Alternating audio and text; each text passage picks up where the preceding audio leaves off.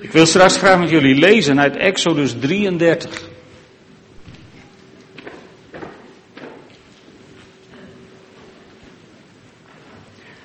We zijn bezig met ons maandthema Zet je voet op het water, of het jaarthema. En het maandthema Jezus verschijnt. Nou, daar hebben we, heb ik al eerder een keer over gehad. En vandaag nog een keer, naar aanleiding van Marcus 6, vers 48. De discipelen die zijn van wal gestoken, die zijn op reis gegaan en uh, ze hebben de wind tegen. Het stormt behoorlijk en dan staat er in Marcus 6, vers 48, toen Jezus zag dat de leerlingen door een hevige tegenwind maar nauwelijks vooruit kwamen, hoe hard ze ook roeiden, liep hij tegen het einde van de nacht over het meer naar hen toe en hij wilde hen voorbij lopen, schrijft Marcus. Vindt u dat geen vreemd verhaal? Jezus ziet je ploeteren en dan wil je voorbij lopen. Dat is een merkwaardig stukje tekst. Waarom doet hij zoiets? Nou, als je je daarin wilt verdiepen, dan, uh, dan moet je even goed kijken wat er eigenlijk staat. Dat kun je doen in een uh, studiebijbel met Griekse vertaling erbij in. Je kunt het in een goede concordantie opzoeken. En als je in de Strongs concordantie kijkt, dat is een concordantie voor mensen die dat niet kennen, die, die werkt met nummers van, van woorden uit de Bijbeltekst.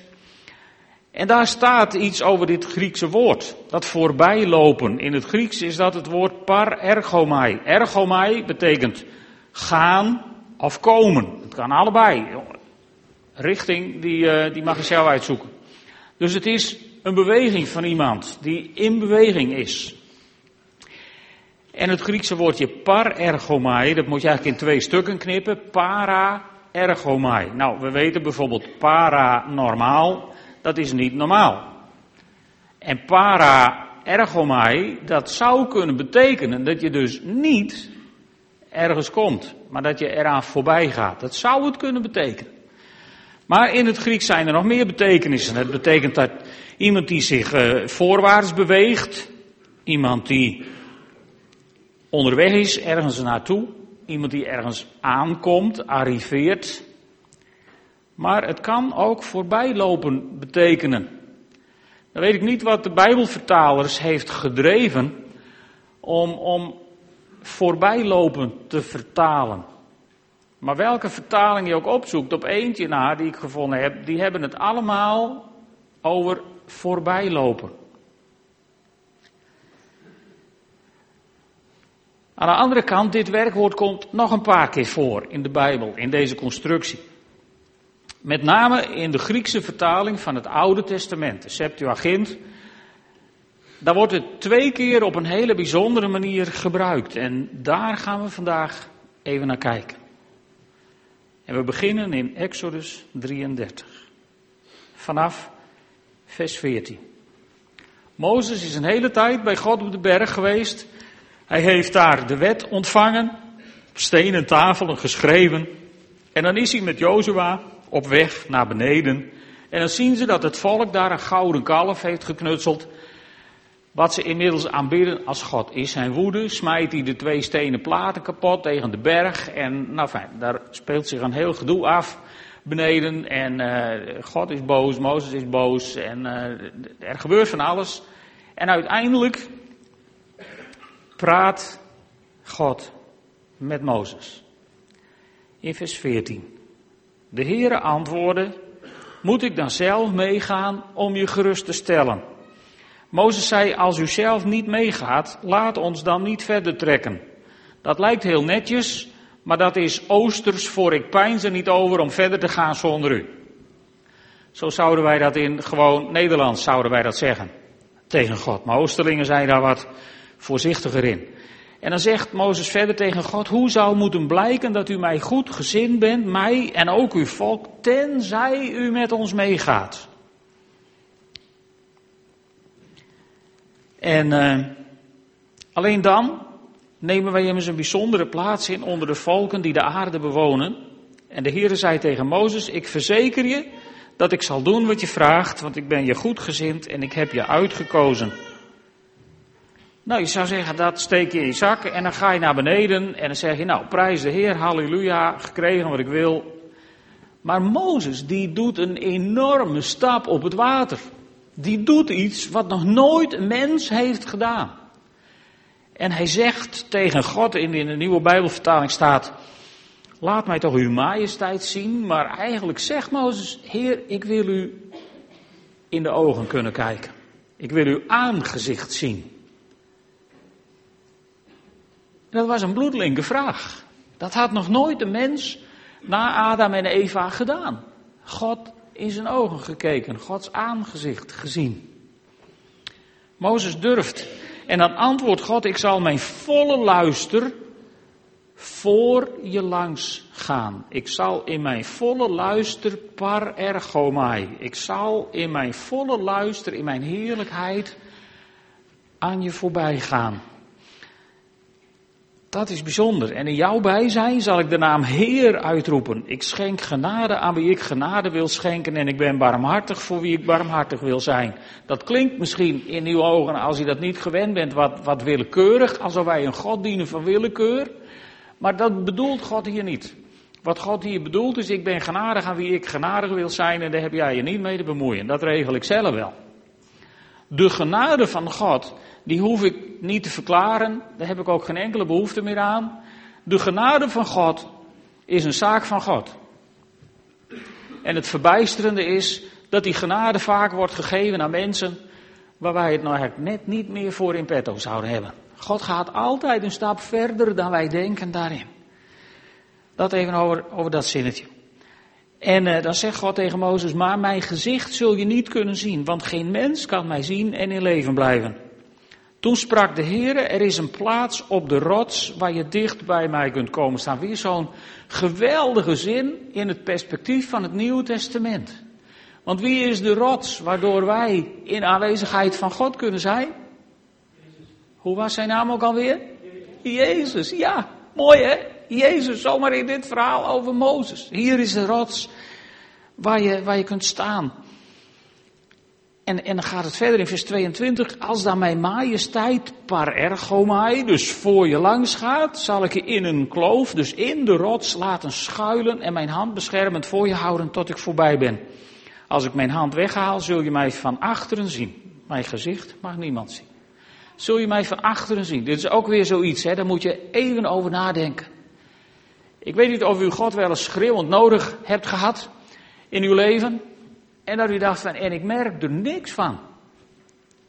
Of dat God je uitdaagde om iets te doen, terwijl je dacht van, ja, maar dit bedenk ik zelf. Zou dit wel van God zijn? Zal ik wel, zal ik niet? En de duivel maar in je oor fluisteren, dit bedenk je zelf, ik zou het maar niet doen. Maar dan doe je het uiteindelijk toch. En achteraf kijk je om en dan denk je, en toch was het God. Er zijn veel meer mensen die God van achteren hebben gezien, dan mensen die van tevoren 100% zeker wisten van wat ik nu moet doen is van God. Meestal weet je na de tijd aan de hand van de vruchten, kent men de boom, weet je, maar dit was van God. En ook in je moeilijke situaties, waarin je misschien denkt, en ik merk God niet en ik zie God nergens. Als je door de situatie heen bent en kijkt achterom, dan dacht je, het dal was diep, maar zijn stok en zijn staf hebben mij vertroost waar rempel, het was God. Ken je die situaties? Meestal weet je achteraf, dit was hem. Dit was God. Nou, zo is het ook met Mozes. Na de tijd mag je God zien. En dan gaat het verder. De Heer zei tegen Mozes, hak twee stenen platen uit, gelijk aan de vorige. Dan zal ik op die platen de geboden schrijven, die ook op de eerste stonden, die jij stuk gegooid hebt. Raar hè? We zijn boos op God en we gooien zijn platen stuk. We slaan onszelf door onze stommiteit op de vingers. En we lasteren de naam van de Heer. Vreemd zit het in deze wereld in elkaar. Wij maken er een zootje van. En als vervolgens massa's mensen doodgaan van de honger of door overstromingen of door andere dingen, veroorzaakt door het mismanagement van deze aarde, wat wij plegen als mens, dan schrijven we vervolgens, in de Engelsen zijn daar heel sterk in, dan noemen we dat God-made disaster. Nou, vergeet het maar. De meeste disasters zijn man-made disasters. Door ons wanbeleid veroorzaakt. Maar God krijgt de schuld. En als je dan met mensen praat die God niet kennen, dan, dan is het heel typisch dat mensen God niet kennen en niks van hem willen weten. Maar je wel komen vragen, hoe kan God dat nou toelaten? Vraag me altijd af, hoe kun je hem de schuld geven die niet bestaat? Maar dat is weer wat anders. Dus Mozes had zijn stuk gegooid. Maar God geeft hem nieuwe. En dan zegt hij tegen Mozes, morgen vroeg moet je gereed zijn, want dan moet je de Sinaï opgaan. Kom daar op de top van de berg bij mij, laat niemand met je mee naar boven gaan. Op de hele berg mag niemand te zien zijn en ook de schapen, de geiten, de runderen mogen niet in de nabijheid van de berg grazen. Mozes hakte twee stenen platen uit, net als de vorige, en s'morgens ging hij in alle vroegte de Sinaï op, zoals de Heere hem had opgedragen, de twee stenen platen droeg hij bij zich. De Heere daalde neer in een wolk. Hij kwam naast Mozes staan en riep de naam van de Heere uit. De Heere, par ergomai, daar heb je weer het woord, ging voor hem langs. En riep de Heer, de Heer, een God die liefdevol is en genadig, geduldig, trouw en waarachtig. Die duizenden geslachten zijn liefde bewijst, die schuld, misdaad en zonde vergeeft, maar niet alles ongestraft laat. En voor de schuld van de ouders, de kinderen en de kleinkinderen laat boeten en ook het derde geslacht en het vierde. En Mozes ging niet met God in discussie over deze moeilijke zin. Nee, wat staat er? Onmiddellijk viel Mozes op zijn knieën en boog zich neer. En toen zei hij, als u mij goed gezind bent, heren, trek u dan met ons mee, ook al is dit volk onhandelbaar. Met andere woorden, God kwam voorbij en het resultaat was dat Mozes op zijn aangezicht viel en besloot om verder te gaan met dat lastige volk. Er is nog een verhaal waar dit werkwoord voorkomt in 1 Koningen 19. 1 Koningen 19. Elia, een geweldige profeet, die had net een supertijd achter de rug. Het was echt het hoogtepunt van zijn bediening. Hij had een geweldige offerwedstrijd gewonnen. Door één gebedje kwam er vuur van de hemel, wat het offer plus de stenen en de hele toestand verteerde. Super. En toen hadden ze 400 afgodendienaars afgeslacht. En, en toen, toen had hij, ja, toen begon het een beetje tegen te vallen. Want God had gezegd, er gaat regen komen. Ik bedoel, dat van die stier en zo, dat wist hij nog niet. Maar die regen, dat was hem beloofd. En toen ging hij bidden om regen. En toen moest hij zeven keer bidden om regen. Dat viel even tegen. Ik bedoel, je had gedacht van, je hebt een woord van God, dus je knipt met de vingers en daar spoelt het heen. Maar dat was even niet zo. Maar Elia houdt vol, hè? die houdt vol. Ik denk, ik heb een belofte van God. En die zeven keer stuurt hij zijn dienaar weer die berg op om te kijken of er wat aankomt. Die arme jongen. Maar Elia houdt vol. En dan, dan komt er een plense regen. En dan rent hij nog voor de limousine van Agap uit om hem te waarschuwen. De ene topbeleving naar de andere. Dus je zou zeggen, zo iemand die staat in de kracht van zijn bediening. Die is nergens bang voor. En dan is er één vrouw. In hoofdstuk 19. Agap vertelde Isabel alles wat Elia gedaan had en ook dat hij alle profeten ter dood had gebracht. En toen liet Isabel Elia de volgende boodschap overbrengen. De goden mogen met mij doen wat ze willen als u morgen om dezelfde tijd niet hetzelfde lot ondergaat als zij. En Elia werd bang en vluchtte om zijn leven te redden. Dit is iets heb ik nooit begrepen. Nooit begrepen. Op de top van je bediening. En dan komt daar één, zo'n mens, en die zegt wat lelijks tegen je. En waar is Elia? Die zit onder in de put. Hij werd bang en hij vluchtte om zijn leven te redden. En dat deed hij ook nog niet eens slim, hè? want als je zo, nou, zo het land Israël voorstelt, zo ongeveer, dan was hier het tienstammenrijk, hieronder was het, de, het rijk Juda, waar een neefje van Agap regeerde. Ze waren in elkaar omgetrouwd, dus dat was een bevriende natie. En, en Elias zit daar bovenin. En, en een klein stukje hoger, over de grens, nou, daar woont een heel leuk weduwtje, daar had hij al eens eerder wat mee gehad. Die had, had van die handige kruikjes die niet leeg werden en zo. En je zou denken, nou, als je er dan vandoor wil, dan is het meest simpele, vloep de grens over. Zij had dan wel een logeerbedje staan. Klaar. Maar dat doet hij niet. Hij zeult het hele land door. Hij zeult de hele bevriende natie Juda door met het risico dat hij wordt opgepakt en uitgeleverd.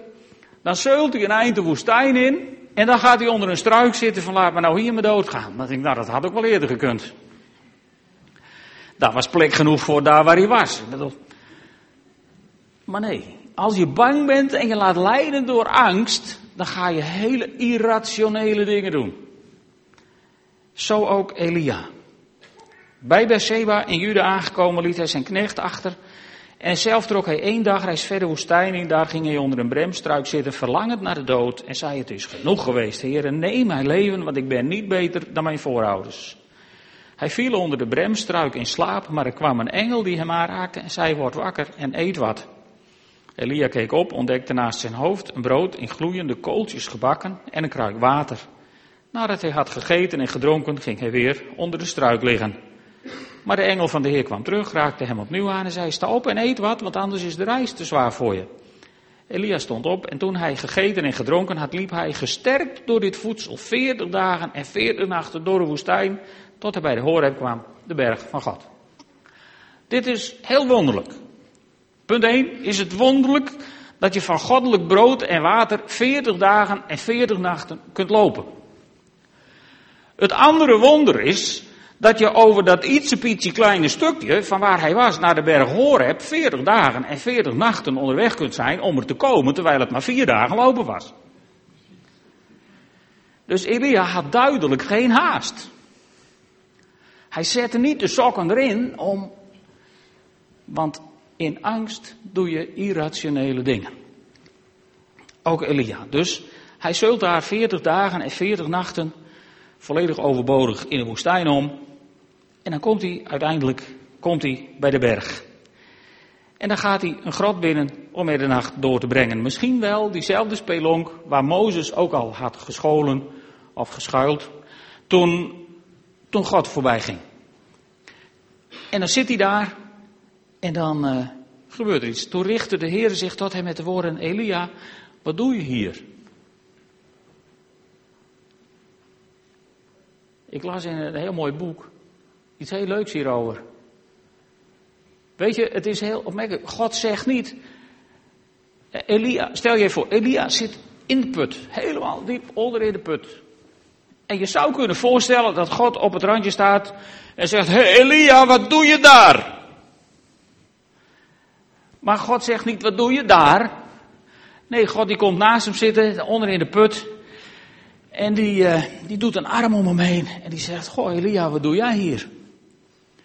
En Elia die steekt een heel verhaal af hoe zielig die is en hoe broer hij het allemaal getroffen heeft. En dan zegt hij tegen God, en, en, en wat doet u hier eigenlijk?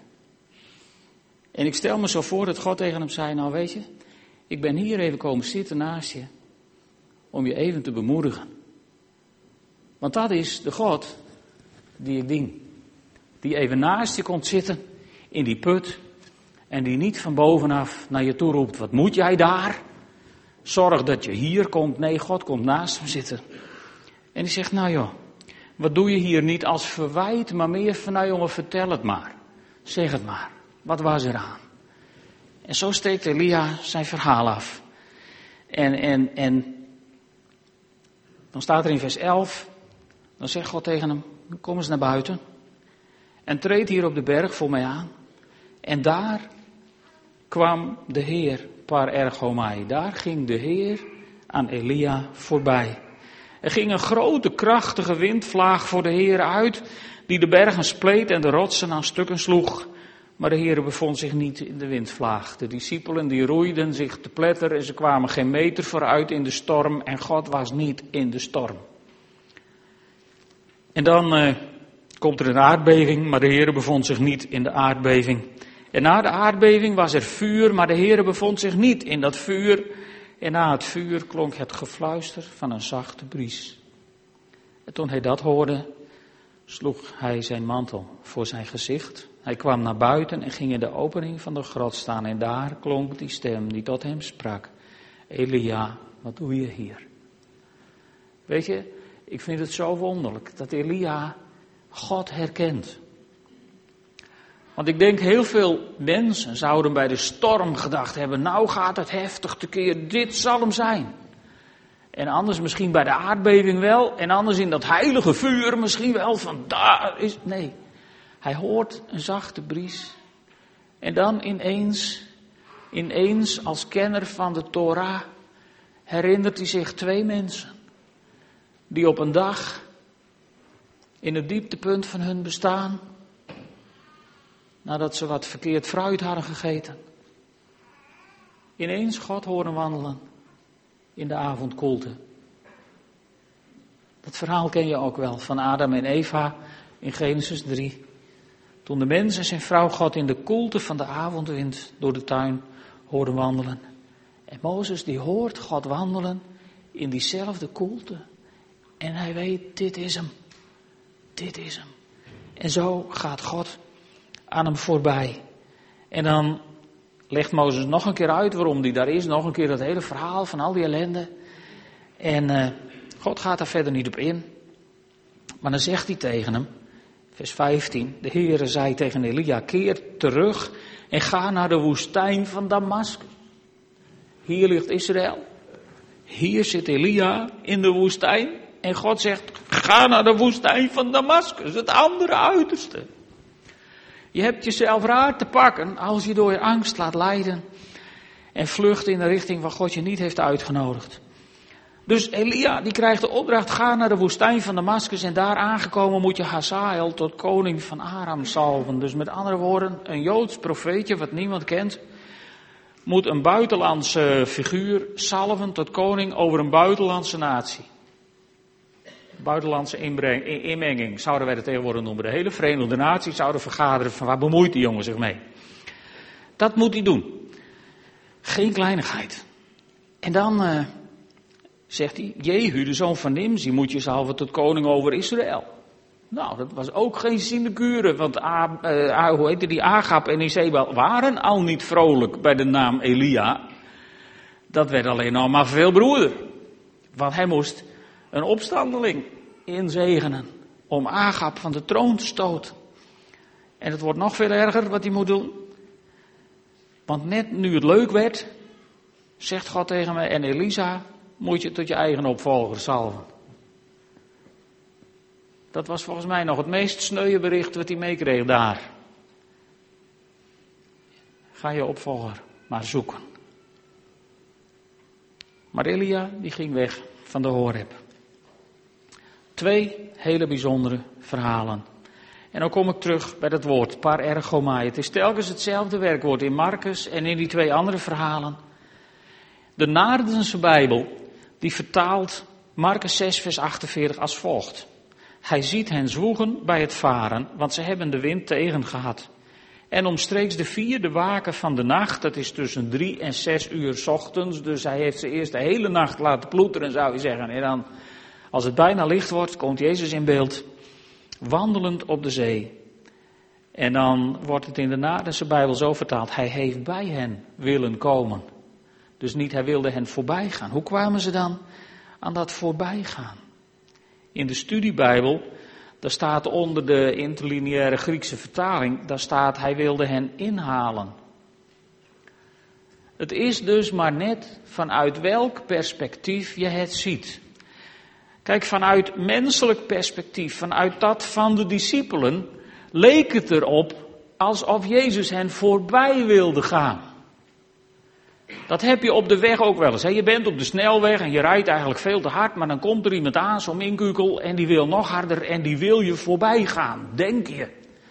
Maar als hij je voorbij is, gaat hij voor je rijden en dan komt er zo'n bordje stop politie.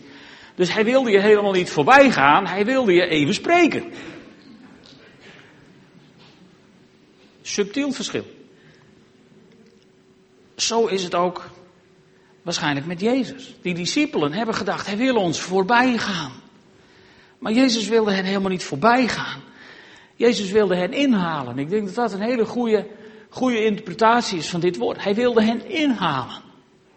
En misschien, ik, ik ken jullie niet allemaal, maar misschien zit je ook wel in een situatie dat je denkt van, jullie moesten eens weten hoe het stormt in mijn leven. Je moest dus weten hoe ik me afbeul en hoe ik me afploeter en ik kom geen meter vooruit.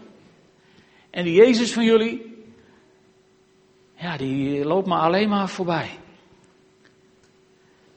Weet je, als je de nodige ervaring hebt met afwijzen of overgeslagen of voorbij gegaan worden, bij het uitzoeken van de voetbalteams vroeger.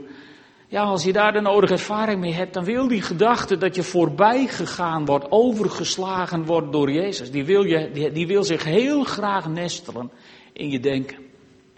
En die wil je gevangen nemen, maar dat moet je niet laten gebeuren. Weet je, dan ga je van die liederen zingen. Ga mij niet voorbij, mijn heiland, ga mij niet voorbij.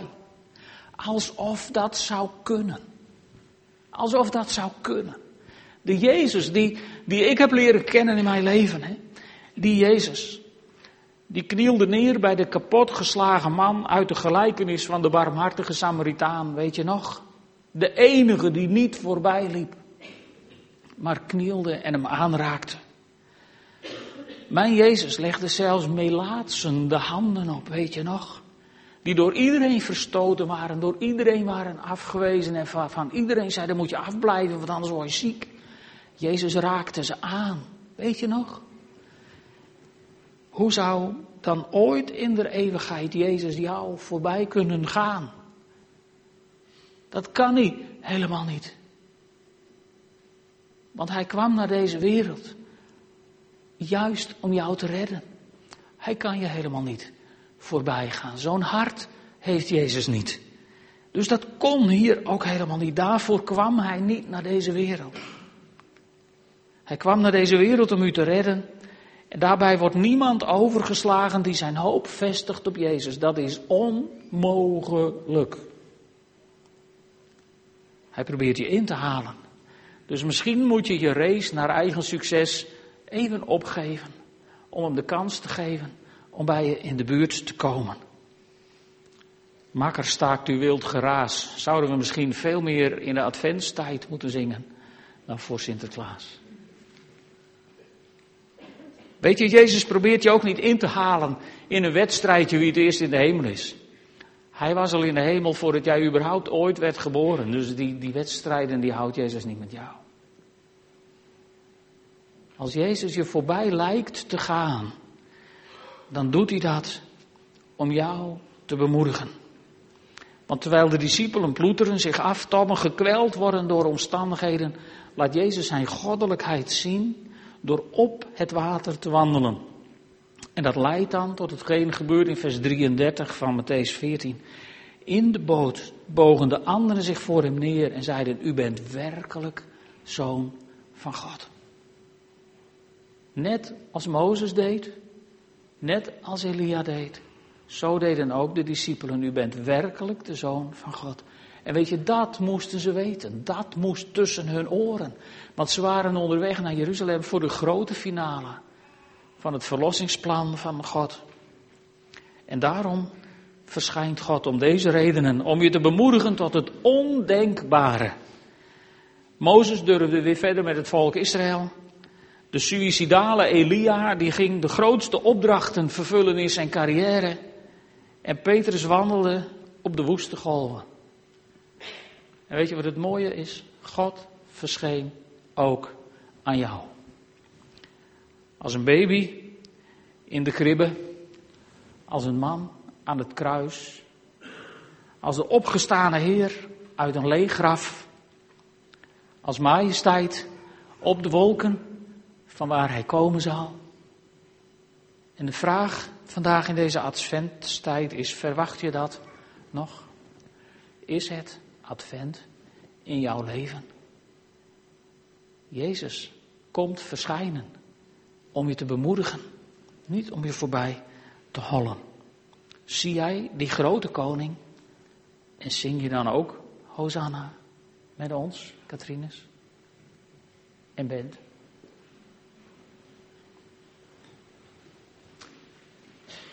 zullen wij ondertussen gaan staan en eerst een moment bidden. Vader God, u kwam naar deze wereld om ons te bemoedigen. Om ons zo ongelooflijk een hart onder de riem te steken dat we bemoedigd door uw verschijning, bereid zullen zijn om dingen te doen die u wilt dat we doen. Heere God, en u kent ons allemaal zoals we hier zijn. Bemoedig ons, Heer, door uw verschijning. Laat zo uw Heilige Geest door deze zaal gaan om harten aan te raken.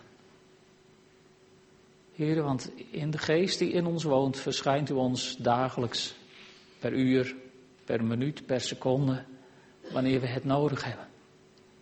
Om ons te bemoedigen. Heere, wat geweldig. U komt niet om ons uit te schelden, op ons nummer te zetten, ons te veroordelen. U kwam en u komt om ons te redden en ons dichter bij u te brengen. Laat ons dan zo die grote koning zien. Dat bid ik van u in de naam van Jezus. Amen.